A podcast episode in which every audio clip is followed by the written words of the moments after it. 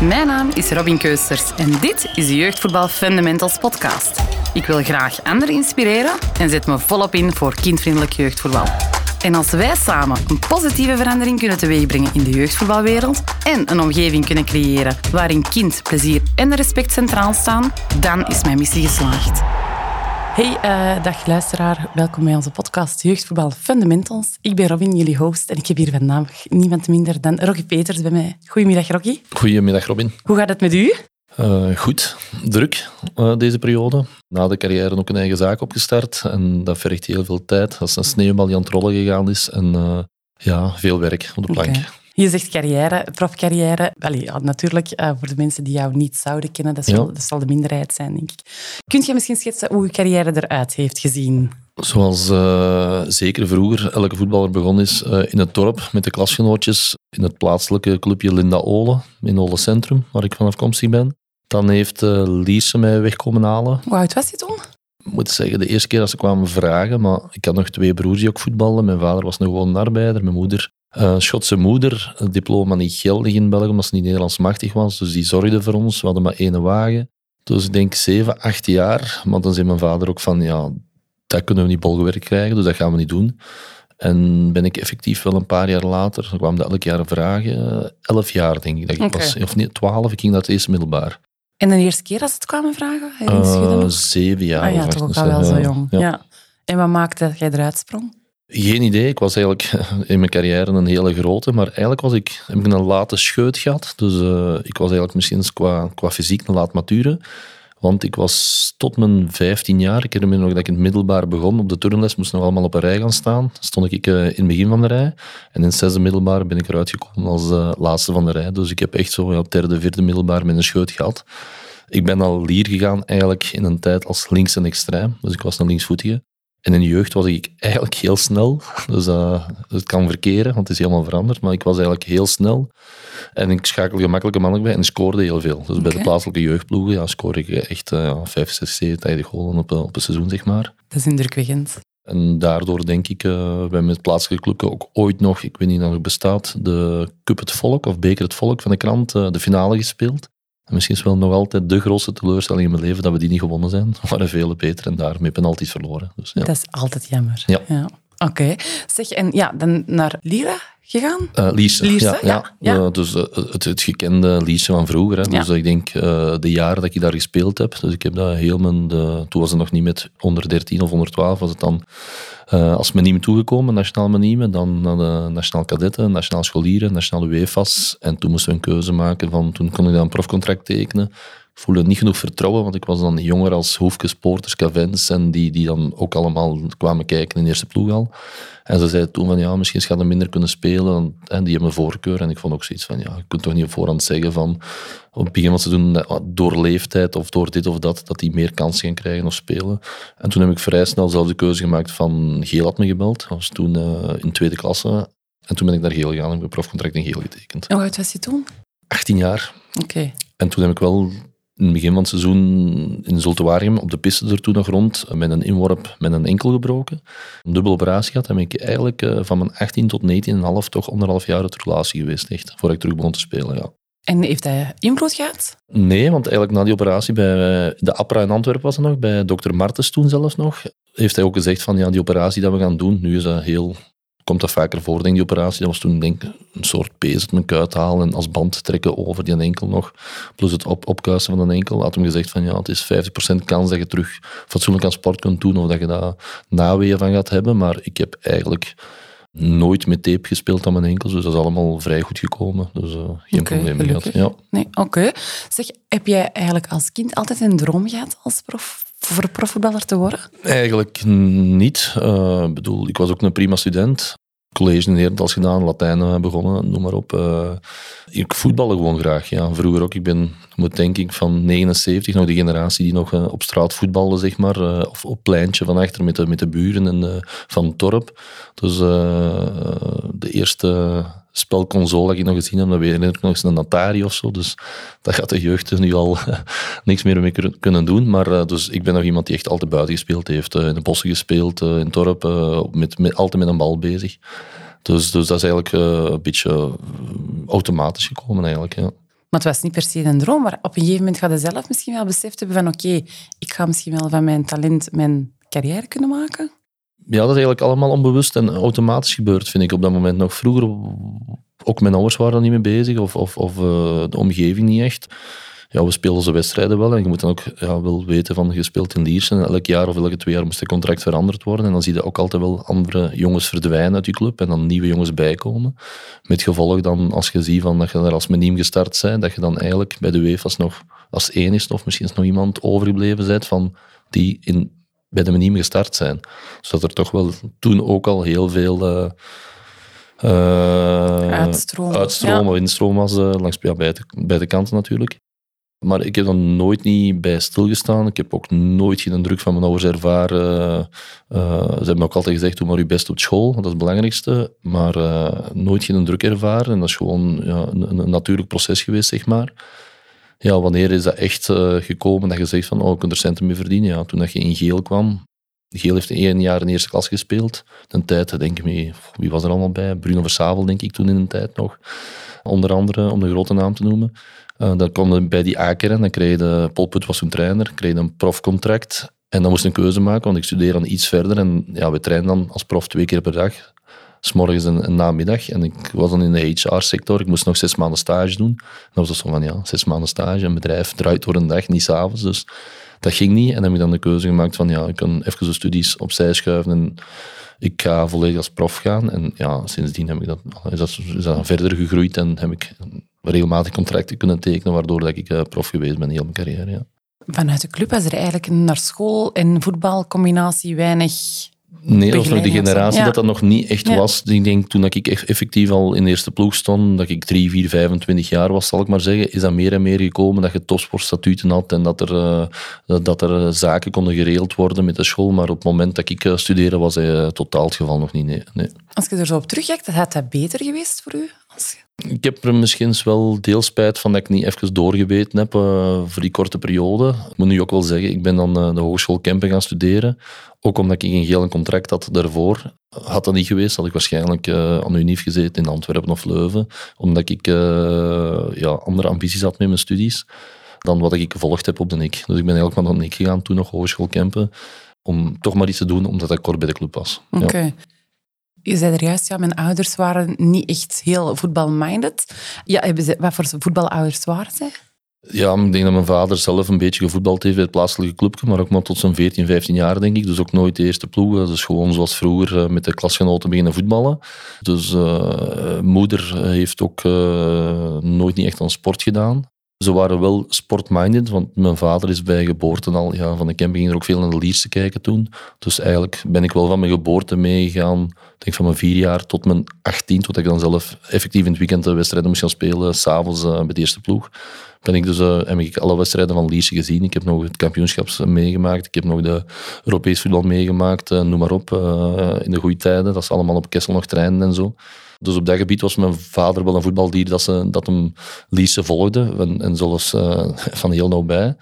Het zal maar, wel deugd gedaan hebben dat jij er aan speelde op een gegeven moment. Bij de jeugd, ja, dat was, was hij wel trots op. Dat weet ik wel. Dat, ja. dat was, oeh, want Lierse was, ik moet ook zeggen, de club op dat moment. Want al die jeugdreeks dat ik juist opnoemde dat ik doorgelopen ben, ze hebben ook elk jaar kampioen België gespeeld. Dus uh, was Anderlecht Brugge standaard, topklus, noem maar op. Want wij waren het Liersen en bij de jeugd ja, elk jaar kampioen.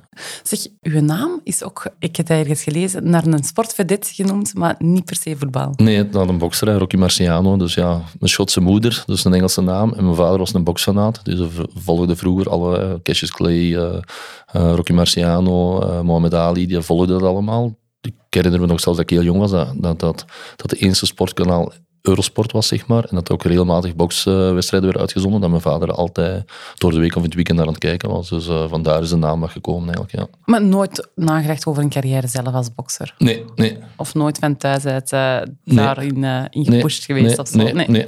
Ook, ja, de voetbal, is dat dan natuurlijk gekomen? Ja, gewoon, uh, ja, ik zeg nog altijd tegen, tegen de jongere mensen dat ik nu ken of zie, dan is dat vroeger hadden twee keuzes in de klas. Of als je sport ging doen, was er A, voetbal, of B, ging bij de Giro of de Scouts, zal ik maar zeggen. Dat is misschien cliché, maar zo was het vroeger eigenlijk. Uh. Ja. Dus de, de, de jongens van onze klas die niet echt... Uh, sportminded waren of waar niet echt sport in zat, die zaten bij de Giro. en die ander, ja, toch een combinatie van de twee ook. Maar dan, ik denk dat, als ik me herinner, 20 man in de klas en dan 15 man, dat was de hele ploeg van het dorpje was onze klas, zeg maar, in de leeftijdscategorie. Zo simpel was dat vroeger, ja. Al meisjes die toen voetbalden bij jullie? Ik kan me herinneren dat er één meisje was, eh, een zuster, die twee jaar ouder was van, uh, van iemand die bij mij in de klas zat. En die heeft dan op een gegeven moment even met ons meegedaan, ah, denk ik. Maar dat is ook het eerste dat ik kan herinneren. Uh, wel is het zo dat mijn grootmoeder, dus de zuster van een tante van mijn vader, dat die haar dochter toen al, ja, ik kan me niet meer herinneren wat niveau dat, dat is, maar dat die toen al in de eerste ploeg stond, in de eerste klasse van een voetbalclub, ja. Maar wel heel uitzonderlijk. Nee, ja, heel uitzonderlijk op het moment, klopt. Ja. ja. Oké. Zeg, als je zo zelf naar je, je jeugdcarrière ziet, wat was voor u toen een goede trainer? Welke trainer um, ja, kon het beste nu naar boven halen? In Liers hadden dan, ja, wij waren dan adepten van uh, Marcel Vets, zal ik maar zeggen. Dat was zo de, de, de hoofd uh, jeugdopleider die ook jongens uit de training haalde en dan privé ging bijtrainen ik zal maar zeggen, de middenvelders of dan uh, op, op startsnelheid die spelers en dus van de verschillende leeftijdscategorieën eruit halen. En dat was uh, ja, een jeugdopleiding gebaseerd op uh, ja, discipline, maar met de, met de harde hand. Dat was, dat was echt wel ik weet, ik herinner me nog dat ik daar hier aankwam, dat je zegt van ja, dus uh, dan moest in, in het gareel lopen, dat was niet scheef gaan, want dan werd eruit gebonjourd. En dat je dat toch wel een beetje, toch een beetje schrik van had. Allee, schrik is niet het juiste woord, maar toch zo... Uh, een vorm van respect, maar respect, wel... Respect, maar toch wel... Op het randje. Op het randje, zo, zo eigenlijk wel.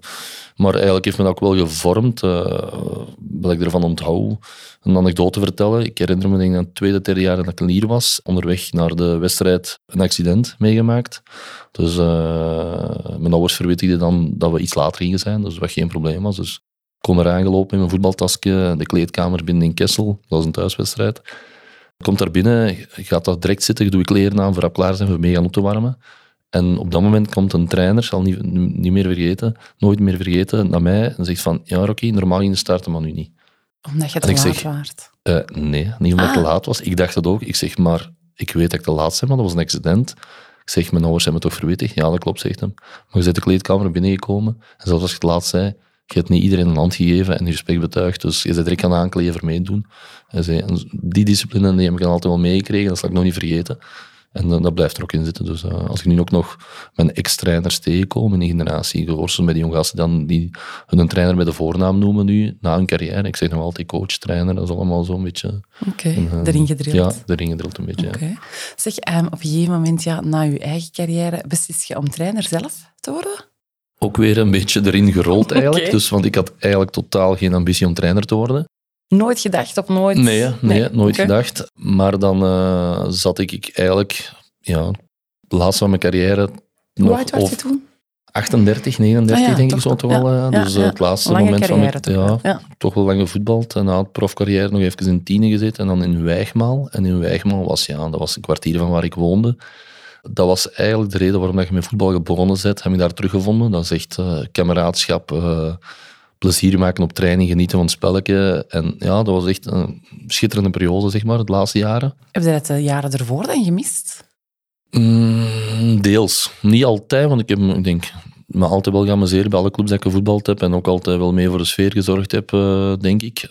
Maar toch op een gegeven moment voelde hoe hoger dat je gaat, dat toch dat, dat je hebt wel een paar mensen dat je goed mee kunt opschieten of dat, dat die vrienden kunnen blijven of, of gebleven zijn. Maar toch zie je toch dat er toch nog altijd zo een beetje die rivaliteit is. En van, oei, ik moet toch zien dat ik mijn contract volgend jaar kan verlengen, dit en dat. Terwijl ik dan misschien eens idealistisch in ben, ook als trainer, dat ik daar eigenlijk nooit niet mee bezig geweest ben. Ik, ben, ik heb te veel liefde voor het spelletje gehad en van genoten. En ik, elke dag ging met plezier trainen dat ik eigenlijk misschien niet, niet, niet hard genoeg gefocust geweest ben op de serieus en om er echt voor te gaan. Zeg maar. Ja. ik ben er altijd wel, ik ben wel een speler die op het veld er altijd wel voor ging, maar erbuiten kon ik ook gemakkelijker loslaten. Okay. Ik, zeggen. Ik, had, ik had verschillende interesses. Dus, Misschien dus, ook wel omdat uw ouders er niet zo heel veel mee bezig waren, dat er ook nog meer was als alleen voetbal. Ja, dat klopt. Denk ik wel. Uh, vader ook altijd hard moeten werken. Die heeft wel op de hart gedrukt van, ja, je hebt wel een mooi leven als je van je hobby een beroep kunt maken. Wat ik nu voor een tweede keer doe in de wijnbusiness, zal ik maar zeggen. Dus daar, daar hebben ze wel op gehamerd. Dat, uh, dus ik heb ook wel thuis gezien dat een andere kant ook kan. kan dat, je, dat je van vier uur morgens, morgens moet opstaan om tot vijf, zes uur s'avonds gaan te werken. Patatjes eten, even uh, nieuws kijken en dan in slaap vallen om de volgende morgen twee om vier uur uh, eruit te kunnen. Dus, dus misschien dat ik langs twee kanten dat dat dan wel gezegd heeft van ja, geniet er ook elke dag van. Of, of gaat, maar dan misschien iets minder van gaat er volledig voor. Ja, dus dat, ja, ja. Dus ik ben, denk als die persoon dat ik ook wel ben, dat ik ook wel ja, regelmatig probeer te genieten van het leven. Dat ik er tussendoor probeer te fietsen, zal ik maar zeggen. Tussen het, het, het serieus en tussen, tussen het losbolligheid ertussen probeer te fietsen. Toch wel het evenwicht probeer te zoeken tussen de beiden altijd. Vond je dat leven als prof zwaar? Heel cru te zeggen, nee. Het is, het is, je moet er ook niet om draaien. Het is, het is een luxe leven dat je hebt. Als je dan vergelijkt met collega-sporters uit het wielrennen, uit atletiek, uit, uh, wat die ervoor moeten doen dan als voetballer, ik moet zeggen, de tijden zijn ook wel veranderd nu. Hè. Dus nu ook wordt uh, vroeger, toen wij het begin de eerste jaren waren, Polar werd over gesproken. Nu kunnen ze ook met de voetballers alles opvolgen, kunnen ze kijken hoe dat je zit. En je weet ook van, als je nu niet je 100% verzorgt, uh, ze kunnen dat zelf zien. Vroeger was de parameter was gewoon van, je speelt je wedstrijd, dan mocht 90 minuten slecht zijn, maar je trainen binnen en een goede wedstrijd gespeeld. Ja, ja. Nu kan het ook nog dat je matchwinnaar zit, maar dan kun je al kijken naar je parameters van ja, toch niet zoveel gelopen dat normaal moet lopen en dit en dat. En dus... Maar al bij al qua zwaarte viel dat goed mee. Ja, qua, je hebt een heel zware voorbereiding altijd en een tussenseizoen ook, maar voor de rest van het jaar kom je dan in je automatisch tramien terecht van je twee trainingen baseerden zich toen, denk ik, op uh, maandag recuperatietraining, dinsdag, woensdag twee keer en dan donderdag, vrijdag één keer en dan zaterdag of zondag wedstrijd. Dus dat was eigenlijk een klassiek schema, zal ik maar zeggen. Had jij overal een gezonde levensstijl? Qua eten, slaap? In de voorbereiding wel. Ik moet nu wel zeggen, dat is ook wel... Voetballers zijn ook wel gekend om toch regelmatig een stapje in de wereld te zetten. En zeker in de periode dat ik uh, voetbal in eerste klasse. Dus als je dan zegt van slaap, ik zal zeggen vanaf dinsdag, woensdag wel. Maar dan na de wedstrijd, de eerste twee dagen na de wedstrijd, zal er wel wat minder geweest zijn. Dat was dan zaterdagavond, zondag of maandag gingen we toch regelmatig dan uh, de met de groep, onder andere, om er één te noemen. Die zat ertussen dan, dat was best wel ma maandagavond. Maar ik ben dan van Westerlo, of van Olen dan, dat was dan zaterdag de reflex, zal ik maar zeggen. Ja, dinsdag was het apropos in Gent. En zondag was het dan uh, een dockside, kon ook nog gaan. Dus dat was, ja. was er tijdens uw jeugd al aandacht voor? Naar gezond eten of, of um, Te weinig. Dat was niet echt okay. van... Dat was denk ik meer prestaties op training op het veld en al die andere zaken daarbuiten. Zoals wat je nu allemaal bij komt met die polars en cardio en je, je tandonderzoeken laten testen en zo. Dat was vroeger was dat niet echt van toepassing. Vroeger was het meer het, het, het, het, gevoel van de trainer zegt wat hem zegt en daardoor beslist hij of dat je klaar wordt of niet klaar, of dat je goed wordt of niet goed, zal ik maar zeggen. Af en toe hadden we wel eens, uh, dat je wat ouder werd, dat er eens iemand over gezonde voeding kwam spreken.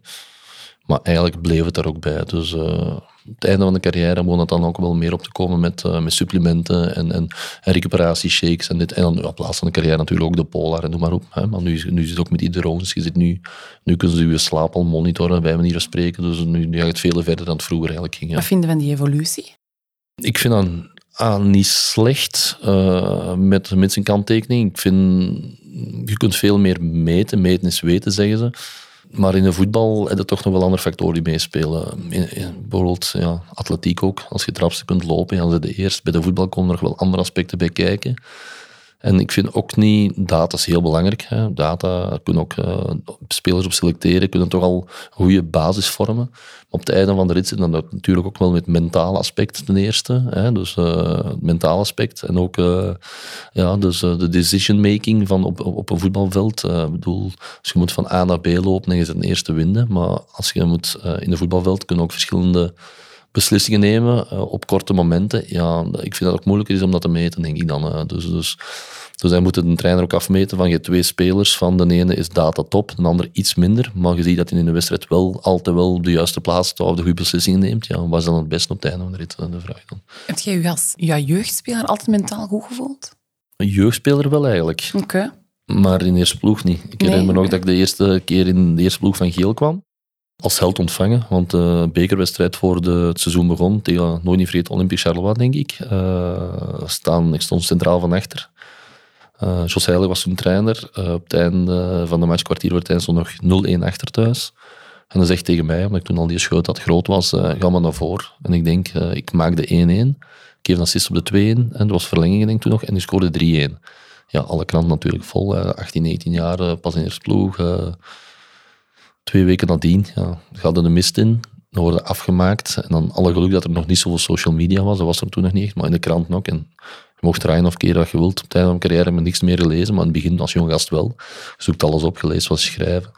En dan gaat we wel even door de hel. Dan komt buiten en dan denkt je, ze schrijven iemand die je niet kent, schrijft u helemaal neer in de krant. En dan is dat wel zo'n moeilijke moment op dat moment, want dan zeg je van, oei, je komt buiten, want dan zeg je van, heeft iedereen dat gelezen? Wat denken die over mij? En dan begin je toch weer mee bezig te zijn. Dus op dat gebied was er, en toen waren er nog geen mental coaches, ook niet ja, met of zo. Of trainers of zo, die zich er dan toch iets of dan moeten, Nee, dan is het uh, de enige mensen die u dan een beetje begeleiden of recht houden, zijn dan ja, in uw naaste omgevingen, vrienden, ouders, die dan zeggen van, ja, maar het is dit en dat. Dus op dat moment, ja hopelijk wat te relativeren, maar toch niet onderschatten. Nee, voilà, klopt. Ja. En heeft al lang geduurd? Of... Dat is toch een, toch een, dik jaar geduurd, dat je dan dat je toch niet goed weet of dat je dat op een gegeven moment dan zelfs een beetje falings krijgt van oei, als ik nu dat veld opkom en ik doe weer iets fout of ik speel niet goed, dan gaat dat weer in de kranten staan of dit of dat en wat gaan de mensen denken. Of, uh, Maar dan, dan ja, op den duur uh, ja, dan groeide daaruit, ook deels, ik denk was dat het eerste jaar, twee jaar, en dan op een gegeven moment toch het was niet echt een psycholoog, was een physical coach kwam erbij. Want ik herinner me nog in het begin, hadden dat toen geen fysieke trainer bij de eerste ploeg. Maar toen hadden we dan toch iemand die dan de opwarming wat kan doen en, uh, en, en, en, en, fysiek begeleiden in, in een tussenseizoen en zo. En dat was iemand waar ik goed mee kon praten en ook natuurlijk de dokters. Hè. Dus uh, de clubdokter is dan, heb ik altijd een goede band mee gehad met iedereen. Dus dat is toch een vorm. Zowel de, ja, de physical coach als de clubdokters en zo, een soort uh, deels mijn psycholoog geweest, laat ik maar zeggen, ja. vroeger. Ja ook niet onderschatten. en op die moment met rust niks anders. Klopt. Ja. Oké. Even terug naar het trainerschap. Dus op een gegeven moment ja, rolt je daarin. Ja, in Wijgmaal. Dus uh, ik speelde nog. Ik, was, uh, ik heb dan even eigenlijk trainer geweest, spelertrainer in Tiene. Die hebben dan financiële problemen gehad. Die moesten het jaar nadien zakken. Uh, met min 9 beginnen. En toen uh, zei het bestuur van, oh, Rocky wil dat je nog een jaar blijft, de jong gasten begeleidt, maar we gaan nu speler-trainer maken. Ik zeg, ja, maar zeg, ik heb totaal geen ervaring als trainer. Ja, maar nee, we gaan u wel steunen en zo. Ik had, moet zeggen, ik had toen een hele goede assistentcoach, Benny Lunenberg. Dus uh, die was al met trainerschap bezig. En het is die dus ik, ik zeg gewoon de thema's, wat gaan we trainen? Hij mikt de trainingen op en dat was heel gemakkelijk. Ploeg stel ik dan wel op, ja, samenspraak met hem, maar dan uh, tactische, dat was wel het idee van, dat wil ik zien, dat wil ik doen. Hij maakte de training daaraan op. En dat jaar zijn we eigenlijk, uh, ik weet nog, na vijf wedstrijden halen wij 3 op 15, denk ik. Ze staan op min 6. En de eerste had al, denk ik, uh, eh, 13 op 15 in gehaald. dat was. Zo dan een serieuze achterstand. Uh, we hadden een jonge ploeg, maar echt wel, wel goede voetballers. Welke leeftijd hoor? Toen was ik, uh, want dat was nog voorweg wel 34 of zo, 4, 35 daar rond, denk ik. En je stond in de basis en ik speelde, training. Ja, en dan, ik speelde mee ook nog de wedstrijden. En op training, ik trainde alles mee zoals een gewone speler, maar dan, ik gaf aanwijzingen. Zoals dat een assistent dan op het trainingsveld langs de kant stond voor, voor bij, beter bij te sturen nog. En dat jaar spelen we nog kampioen. Dat meende niet. Ja, want dan zijn we nog op, denk ik, op sport nog iets van, heeft Joost uh, daar uh, nog iets van gezegd. Op extra time of zo, denk ik van, we waren ja, min 9 begonnen, nog kampioen gespeeld op een paar punten voorsprong ja, dat zijn jongens waar ik nog altijd contact mee heb. Dat zijn jongens die ook later wat op tweede klasniveau gevoetbald hebben. Eerste klas, uh, de Silva heeft nog even in, bij Wever Waasland deze klas gezeten toen, nadien. Maar dat was gewoon heel fijn, ik moet zeggen. Dus dan, zie je toch dat je met beperkte middelen, want het budget was op, was dan geen budget, ook maanden niet betaald geweest op een gegeven moment. En dat is allemaal wel in orde gekomen, maar dat je als je een goede groepspirit hebt en weet wat je met elkaar hebt, dat je toch wel veel kunt bereiken. Is dat een makkelijke combinatie, zo'n speler-trainer? Is dat een evidente... Nee, maar op, op, op, op dat niveau ging dat. was derde klasse toen, dacht ik. Okay. Derde klasse, ja, derde klasse. Of was dat toen nog vierde klasse, nog vierde klasse. En dan wou ik stoppen dan eigenlijk. En dan ben ik het jaar nadien, of twee jaar nadien naar Wijgmal gegaan. Nog wat te spelen. Nog wat jongens dat kenden. En ook echt een heel plezante periode. Was op een gegeven moment Tom Soetaars trainer. En die zeggen er meer zitten in het midden. Want toen zegt hij, ik stop ermee. Ik heb nog altijd dit en dat. En we zijn aan het trainen die dag dat Tom gestopt was, een, assistent-trainer. En bestuur zei kom eens binnen. Zei, wil dat jij een nieuwe trainer wordt? Dat was eigenlijk zo. Maar eigenlijk ook geen diploma's op die moment? Nee, nee. en toen ben ik eigenlijk begonnen met, uh, met de diploma's te halen, zal ik maar zeggen. Dan heb ik thuisschrift C, B, WFB, WFA en de provides allemaal achter elkaar behaald.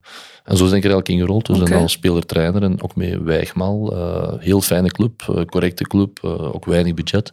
Maar dan toch altijd wel top 3, 4 gespeeld. in de tweede amateur was dat toen. maar heel veel plezier gemaakt. En dan is in de eindronde dat we Wijgmaal hadden voor te promoveren. Heeft Lierse mij nog weggehaald voor de eindronde met Lier te spelen. En dan nog in Bocholt gezeten. En dan vorig jaar eventjes, uh, alle, één jaar assistent bondscoach met U19 geweest. Ja. Dat is eigenlijk de eerste keer dat je echt de jeugd gecoacht. Ja, ja ik heb ook nog uh, bij Adelanto twee jaar, dit jaar iets minder, omdat de, de zaak veel tijd uh, vraagt. Bij Adelanto, dat is eigenlijk een soort opleidingscenter in het sportcentrum van Tongerlo. Daar komen jongens eigenlijk tussen de ongeveer 8 en 16 jaar voetballen, spelen geen competitie. Dus die spelen af en toe oefenwedstrijden, maar die trainen vooral op principes en, uh, om, om zichzelf te verbeteren. Dus die trainen vier keer per week. Ja. Gecombineerd met is één keer om de drie weken zwemmen, één keer om de, of wekelijks één dag in de, in de zaal. Dus toch wel een combinatie van sporten met, uh, met 90% wel gericht op het voetbal. Ja. ja. Je gelooft er heel hard in in Nederland, want ik geloof dat uw zoon daar ook speelt. Uh, mijn zoon zit er ook. Ja. Mijn zoon zit nu ook wel bij de U11 van Westerlo, nu pas sinds twee weken. Ah, ja, okay. want hij wil keeper worden. Ja, en dan ben ik ook iemand uh, die hem wilt ondersteunen. En bij Adelanto was op dit moment geen kipperstraining ter beschikking. Dus dan moet je even gaan zoeken van oei, wat gaat dat doen? En het is daarom dat hij een combinatie doet. Maar mijn zoontje zit ook al het eh, derde jaar bij Adelanto. Ja. Voor mij als ouder, los van het trainerschap, is dat fijn. waarom? Ik weet dat hij al vier dagen per week met sport bezig is. En dat is ook een insteek voor mij. Mijn kinderen mogen kiezen wat hobby's dat ze doen. Want de dochter heeft ook al... Of een van de dochters heeft ook al... Uh, drie kinderen? Drie kinderen, ja. Twee dochters en een zoontje.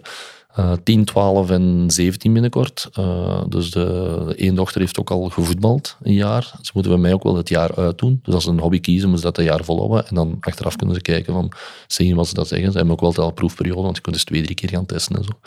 Dus de dochter heeft al getennist, gevoetbald. En nu heeft ze echt haar passie gevonden, is, is, is de schaatsen. Kunstschaatsen. Okay. Dus, uh, dus dat doet ze nu. En dan de zoon, ja, van kleins af aan in het voetbal wat gerold ik moet zeggen, ik, heb er soms moeilijk mee, want soms worden dan vergeleken of, of, verwachten ze meer omdat de pap ook gevoetbald heeft en zo. Dus ik, ik wil ook niet dat, die, dat mijn zoon die een druk, of de kinderen die een druk krijgen van, van prestaties. En Adelante kwam op onze pad en dan dacht ik van, ja, wat een mooi concept. Uh, die kan zich helemaal ontwikkelen zonder een bepaalde druk. Als je bij, toen ook eh, bij Atlanto wordt toegelaten, dan, dan is dat minstens een project van drie jaar als ze mee werken. Dat is niet dat ze na een jaar zeggen, het is niet goed genoeg, je moet vertrekken. Dus dat is toch wel op lange termijn dat ze toch uh, mee constante evaluaties en, en opdrachten, dat ze daar werken. Dus ik vond dat wel een heel mooi, een idealistisch concept. Ik vind het nog altijd heel mooi natuurlijk op een gegeven moment kom je in een leeftijdscategorie terecht dat je moet kiezen van voor door te groeien naar het elitevoetbal of niet. Ik liet daar eigenlijk niet wakker van, omdat ik denk van, hij kan zich ontwikkelen, hij is bezig en we zullen wel zien waar het schip strandt. Want wat is de kans dat je effectief tot profvoetballer kunt schoppen of tot topsporter kunt schoppen? Daar komen zoveel factoren bij kijken. En dat is niet alleen de jeugdclub waar je gespeeld heeft, maar dat is ook ja, het mentale aspect, de mentaal zelf sterk genoeg. Dat is, ook, dat is ook het geluk. Op het juiste moment, op de juiste leeftijd, je kans krijgen, nemen en vertrokken zijn. Want ik herinner me nog rustig jeugdjaren Lierse bij mij, dat er jongens waren die veel meer talent als ik had.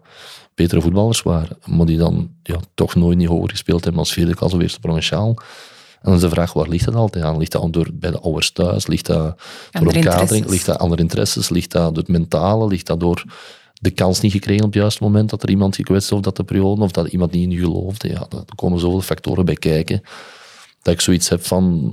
En dat ik wel jammer vind, want meer en meer is het aan het veranderen dat de ouders zien van oeh, vier jaar ik zal maar bij manier van spreken zeggen, ik kan al naar Antwerpen gaan of naar Lier, pardon, naar Brugge.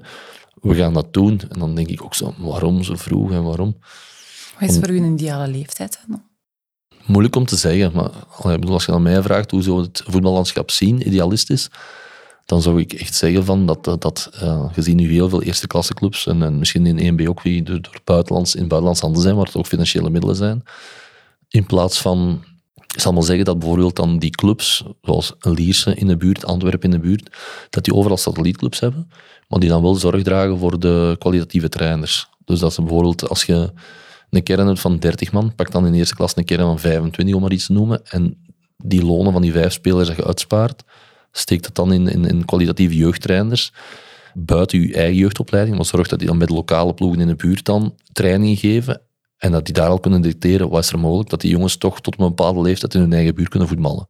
Bedoel je dan apart echt een, een club onder de noemer van die grote club apart of in een lokale club? In een lokale ja, club. Ja, ja, want Club Next heeft zoiets, maar ja, dat is natuurlijk echt in hun naam. In, ja. Ik zou inderdaad zeggen, los daarvan. En dan, dan zijn die lijnen ook korter naar die elite-jeugdopleiding, zal ik maar zeggen.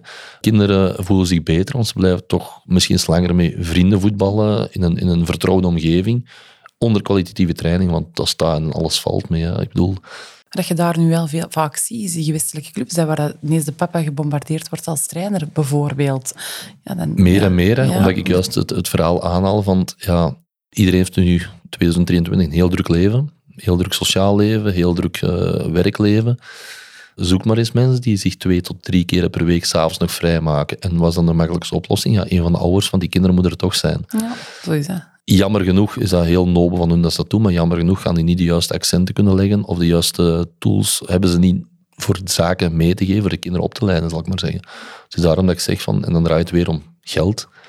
Dus en dat, is, dat is een idee van visie ik heb, zo van, zorg dat je iets minder spelers in je kern hebt en dat geld investeert dan in jeugdtrainers en steekt die dan bij de lokale clubs, dat je zo een, een groter netwerk eh, bereikt en dat je toch ja, op een goed niveau kunt trainingen geven. dat is eigenlijk een lange termijnvisie, want dat gaat zich wel lonen dan, ook financieel later, als er dan iets komt van die spelers. Ik denk dat dat op lange termijn goedkoper is dan uh, constant uh, in je eerste ploeg vijf spelers te veel te zitten hebben en die weten van die aankoop die er komen. Ja. Ik geloof er rotsvast in dat dat op lange termijn goedkoper gaat zijn en dat dat het heel voetballandschap kan veranderen. Zouden clubs op hoger niveau of, of gewestelijke clubs iets kunnen leren van bijvoorbeeld een, een concept zoals Adelanto? Ik denk het wel. Dus uh, je hebt ook nog, uh, ik ben even de naam ontglipt, uh, Michel Bruinings, die heel van die coggi-trainingen ontwikkeld heeft, die dat op kampen deed, zal ik maar zeggen, of die dat zelfs gaan toelichten is bij de profclubs, zal ik maar zeggen. Dus het coggi-training, het cognitieve dat belangrijk is. Daar is Adelanto ook een beetje op gebaseerd. Ik vind wel dat ook verder kan uitgewerkt worden, daar naar partijvormen toe, dit en dat. Het is heel goed die opwarmingsvormen of die, die, die, die tussenvormen, zal ik maar zeggen. Maar uh, ik vind dat er nog wel kan uitgewerkt worden. Maar ik ben ook een hele fan van Michel Bruinings idee van die kooi-trainingen. Dat zie je ook bij, nu bij veel clubs terugkomen. In opwarming en in, in tussenvormen, dat die hele clubs daarmee werken en gebruiken. Dus ik denk, Atlanto, dat dat goed is. Sommige mensen vragen dan ook af van, ja, maar de competitieve wordt dat niet gemist. Ik vind dat je tot een bepaalde leeftijd ook volledig in de training kunt integreren. Ik vind ook van, je speelt competitie. Ik zal maar zeggen, een ploegje van de U10, die trainen twee keer per week en in het weekend een wedstrijd. Dan vind ik persoonlijk dat je misschien de competitieve, die oefenwedstrijden of die vriendschappelijke wedstrijden regelmatig kunt spelen. Dat competitieve kunnen perfect in je trainingen inlassen. Door, door, door bepaalde oefenvormen, wedstrijden, maar dan door op een bepaalde manier regels of taken in te steken waar dat, dat, dat je winnaarsmentaliteit naar boven moet komen. Maar heel veel zie je in de jeugdploegen nog ploegen die er bovenuit steken en ploegen die wat minder zijn. Dan zie je nog uitslagen van 10-0, 8-0, 15-0. En dan vraag ik me af, wat is die meerwaarde van die wedstrijd geweest in die opleiding? Ik denk, als je dan zo'n 20 van de 30 matchen moet spelen, dat dat 20 verloren dagen zijn. Ik denk dat dat een meerwaarde naar de ontwikkeling van de spelers zo goed als nihil is en zou kunnen vervangen worden door een ander spelvorm? Of door een kwalitatieve goede training of door, ander, door, door, door, door echt uh, meer op de opleiding te focussen dan, dan, dan, dan op het resultaat. Want ik hoor het allemaal graag zeggen en alle ouders langs de kant hoorden zeggen van ja, maar je moet geen profvoetballer worden. Maar je voelt dat gewoon dat de mensen dat zo willen en dat die er zo elke wedstrijd op, op een bepaalde druk op hun kinderen leggen. Ik, ik merk dat langs de jeugdveld nog heel veel. En dan ja, bij Adelanto is dat dan niet, want ja, dan spelen ze af en toe een oefenwedstrijd, maar de rest zijn gewoon trainingen. En los over de leeftijd heen, dus dat zijn jongens bijvoorbeeld, ik zal maar zeggen, een negenjarige die bepaalde oefeningen goed kan meedoen met 12, 13-jarigen, die speelt die, die doet oefeningen daarmee mee. En andersom ook, iemand die, die laat matuur is en die dan misschien iets te kort komt voor in die, in die groep die oefeningen te doen, gaat dan een niveau terug die oefeningen doen. Ja, ik vind dat wel een mooi concept, maar het is natuurlijk uh, dat concept en het, het, het, het, normale veld, het normale competitievoetbal, zal ik maar zeggen. Daartussen, die stap tussen, ik vind dat daar moet gestroomlijnd worden. Ja, ja, dus de, de verbinding tussen de twee. Ja, ja, vind ik wel. Ja, denk ik wel ja. Dan word je op een gegeven moment uh, U19-trainer uh, voor de Rode Duivels. Ja, assistent van Sique, Thierry Sique vorig jaar. Ja, ja dat, dat? is ja, een unieke ervaring. Hè. Dus we hebben het IK eh, net niet gehaald door in de laatste wedstrijd tegen Italië gelijk te spelen. We hadden nood aan overwinning voor het IK Malta te halen. Maar als je ziet, ik denk wel dat, er, uh, dat België meer en meer een sportland geworden is, ook een voetballand. En dat is ook gehyped geweest natuurlijk door de, het succes van de Rode Duivels de voorbije jaren, zal ik maar zeggen. Uh, maar dat er toch heel wat talent op de Belgische voetbal rond, rondloopt. En zeker als een klein land als België, vergeleken op wereldniveau, stellen wij niks voor. Maar dan op voetbalniveau en los van voetbal alleen, want er zijn veel sporten die, die Olympische Spelen, hockey, noem maar op, die, die erdoor komen. Of, of in atletiek of in, in schaatsen. Jongeren uit België die de top halen. Dus dan is België toch wel een mooi sportland, sportcultuur. Ze zullen wel iets goed doen. Uh, we mogen niet altijd zeggen dat alles slecht is naar de jeugdopleiding toe. Uh, aan de andere kant door ook heel veel van die verhalen van coaches die worden ontslagen door, door soort van uh, ja, een tiran uit te hangen als, als trainer vroeger. Dus, dus je voelt meer en meer naar boven komen dat er toch iets moet veranderen in, in de manier van jongeren op te leiden, zal ik maar zeggen. Wat vind je daar zelf van? ja, dat is ook ik, ik vind het heel moeilijk. Ik denk dat mentaal heel belangrijk is, maar uh, sommige, sommige mensen, dus ik had ook wel nodig dat ze mij, mij tot het uiterste dreven. Ze moesten mij op het randje van kwaad maken voor, voor het maximum eruit te halen. Dus ik heb zo Dennis van Wijk en Peter Maas als, als trainers gehad, die, die bekend stonden om die methode van werken. Dus eigenlijk het bloed onder je nagels uh, doen. Ik moet zeggen, er zijn ook jongens die daarop afgehaakt hebben, maar ik kon er perfect goed mee om en ik had dat nodig ook voor beter te worden. Het is misschien het is, moeilijk om te zien wie, welk kind wij nodig heeft. Ja, dus dan denk ik ook van een differentiatie in de aanpak, dat dat belangrijk is. Want ik denk dat de, de, de regel is van uh, het, is, het is my way or the highway. Het is zo, of je valt ernaast, dat dat voorbijgestreefd is. En uh, iedereen vanuit zijn achtergrond andere noden heeft. Hè. Ik bedoel, het, het, het, kinderen uit kansarme gezinnen die het thuis niet gemakkelijk hebben, die dan wel heel veel talent hebben, maar die dan misschien naast de mazen vallen, omdat die verkeerd worden aangepakt, zal ik maar zeggen. Dus ik denk dat dat niet te onderschatten is. En, en zoals gezegd, uh, we waren juist bezig over de, de nationale ploeg en uh, goede sporters voorgebracht, andere sporten ook. Maar uh, het kan altijd beter, denk ik. ik denk, we zijn nu wel goed, ze zeggen we zijn goed bezig, maar ja, waarom niet nog beter bezig en nog, nog stapjes zetten op, op dat gebied? Je wordt er assistentcoach. Ja. Hoe probeerde je daar het verschil te maken?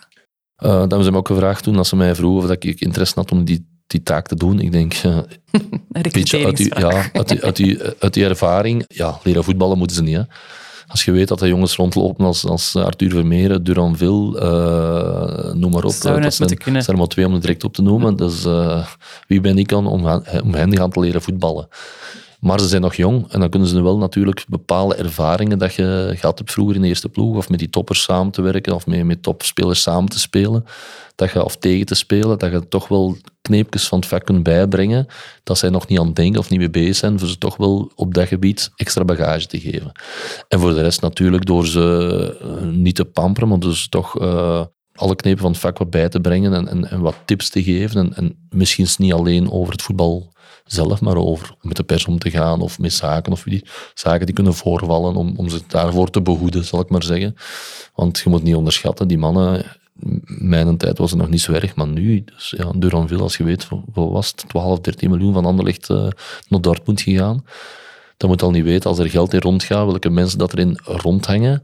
En uh, Julien komt iemand te noemen, is een heel uh, vriendelijke jongen. Het was een heel rustige jongen, Frans-Nederlandstalig.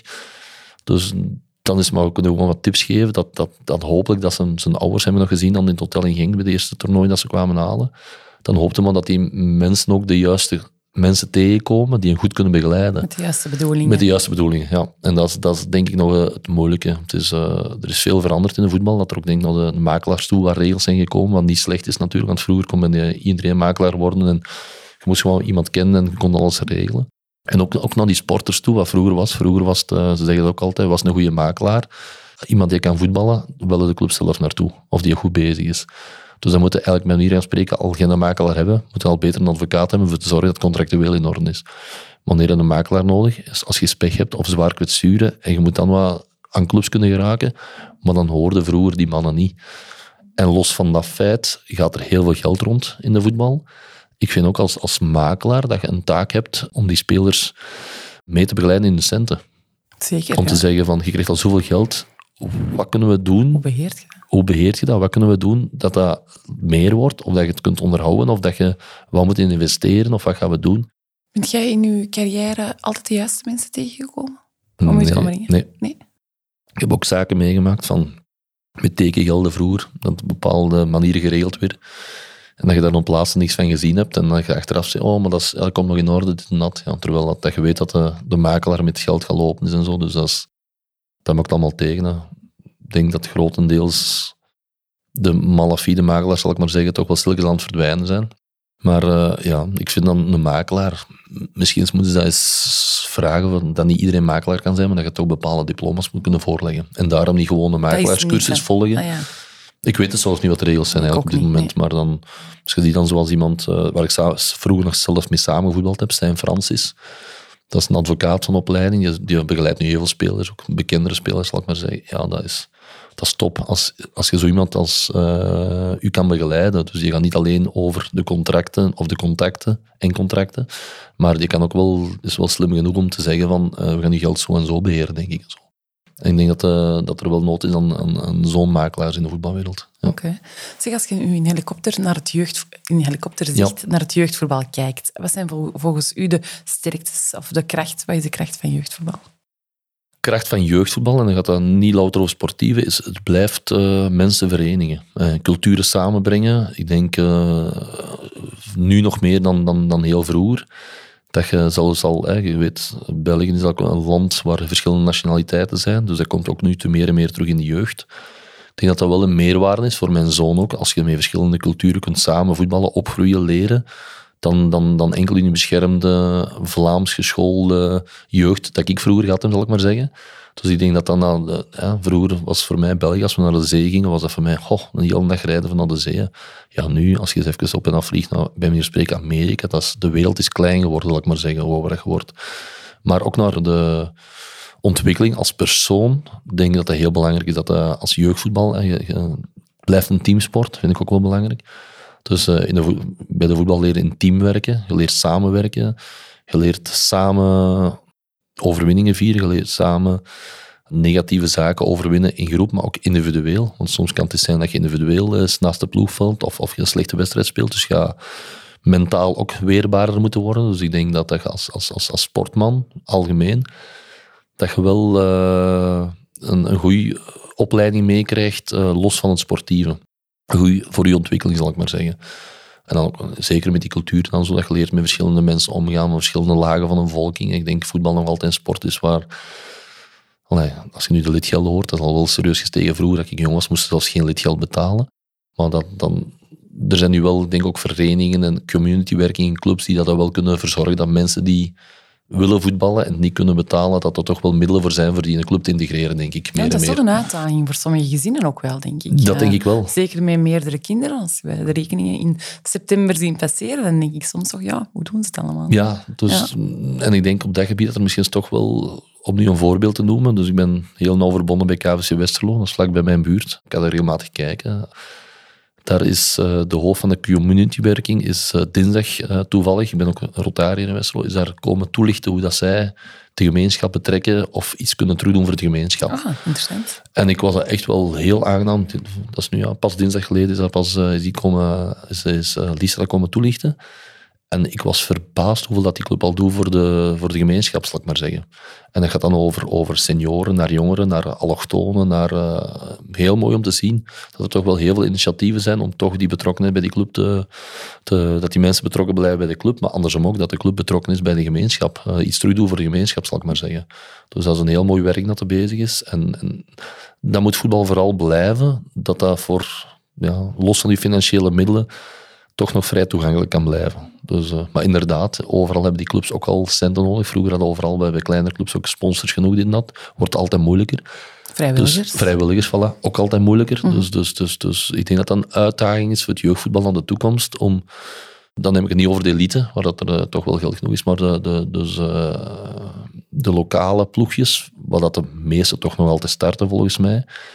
Dat is de uitdaging om daar iedereen nog kans te kunnen geven, dat iedereen kansen krijgt om te kunnen voetballen nog, en, en kwalitatief dan goede opleidingen te verzorgen. Ik denk dat dat wel een zware uitdaging is. Ja, ja zie je daar nog uitdagingen um, binnen het jeugdvoetbal?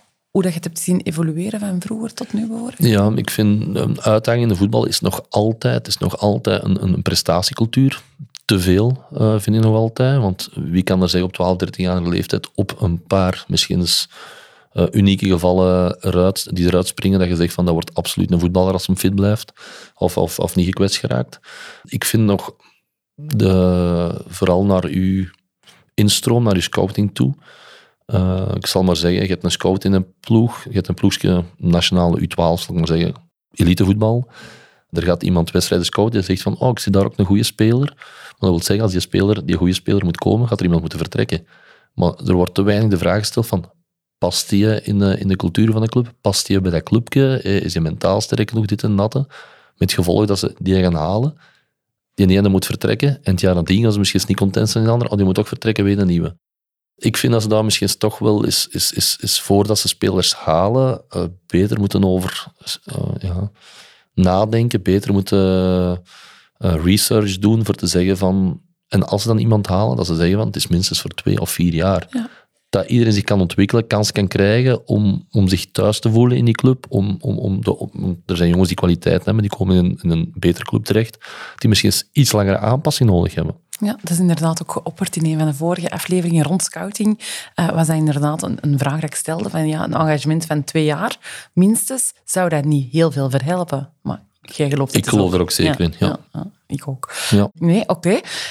Als, heb jij tips naar ouders of profvoetballers in SP om een profcarrière in schoonheid te beginnen? Of ja, ik denk dat nog altijd het belangrijkste is echt uh, intrinsieke motivatie. Als je dat spelletje graag doet, dan gaat dat uit jezelf al thuis veel met balken bezig zijn. En elke training ook ja, opnemen als spons, wat ze u vertellen, wat je kunt meepakken. Maar er elke dag opnieuw 200% vergaan. Ik durf dat eerlijk zeggen, ik heb nog altijd spijt dat ik gestopt ben met voetballen. Dat is echt heel raar. Dat is, uh, vanaf ik, ja, die training, ik voetbal nu nog een beetje bij de veteranen aan de warenwinkel. Ja. Uh, onder andere met Stijn Huizigem, is ook nog ex-international geweest. Die woont ook niet ver uh, van bij ons. Dus we spelen dan bij de vrijdagavondvoetbal bij de veteranen als ik tijd heb, kan ik meedoen. Ik heb nu al drie weken kunnen gaan meedoen, maar dat, was even een tijd geleden. Maar dat is nog altijd genieten om op dat veld te staan met voetbal. Ook, ik denk dat ik qua training, kan me niet herinneren dat ik één dag naar de training gereden ben. Niet als jeugdspeler, niet als profspeler, niet als, als op het einde van mijn carrière. Dat ik me goed om dat trainingsveld te staan. Door weer en wind. Dat was het plezantste dat ik kon hebben, op dat veld staan, tussen die vier lijnen. En uh, mee, mee, eigenlijk toch meer vrienden dan voetballen, amuseren. Ja. En naar de ouders? Uh, de ouders leg totaal geen druk op je kinderen. Want hoe meer druk dat je erop legt, hoe meer dat kinderen de schuld gaan kruipen, of, of zich te niet gedaan gaan voelen, of zeggen van, ben ik wel goed genoeg, vinden mijn ouders me wel goed genoeg. Ze altijd positief bejegenen, altijd positieve dingen benadrukken. Ik denk dat negatieve zaken zullen wel door de trainer aangehaald worden in opleiding, denk ik dan. Ik dat zou toch moeten? Dat zou toch moeten, ja. Hm. Waarschijnlijk ook niet overal het geval is, omdat je dan soms ouders, als, zeker in, in de lagere jeugdopleidingen, ouders als trainer hebt, dus dan, dan is dat natuurlijk moeilijk als je ze tips geeft, uh, positief aan te moedigen. Dus ga niet zeggen dat dat is slecht, maar probeer het via een, een, omweg te bekomen. Ik bedoel, mee mooi in te pakken van zeg, als je nu eens dit of dat, of wat denk je daarvan? Dat je, als je dan toch tips wilt geven, dat je het zo doet. Maar vooral gewoon achterzijds voor hun. Dat je zegt van, uh, ik zeg elke dag tegen mijn zoon als we gaan trainen, en hoe was het geweest? Zeg niet, waren de beste? Of heb je gescoord? Of heb je alles tegengehouden? Ik vraag, hoe was de training geweest? Heb je geamuseerd? Ja. Heb je je best gedaan? Ja. Dan ben ik content. Dus, uh, dus ik ben het belangrijkste, moeten hun best doen, 100% sowieso. Maar ze moeten zich amuseren. Want anders, en zeker op die jonge leeftijd.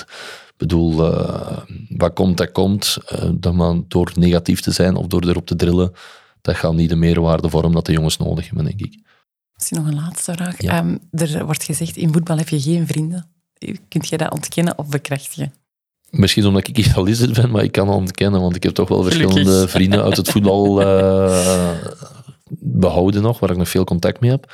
Aan de andere kant denk ik ook, je leeft zo, zeker als profvoetballer, intens samen met die groep. Je, bent meer samen met hun dan met je eigen familie of uh, met je eigen kinderen, bij manier spreken, op een gegeven moment.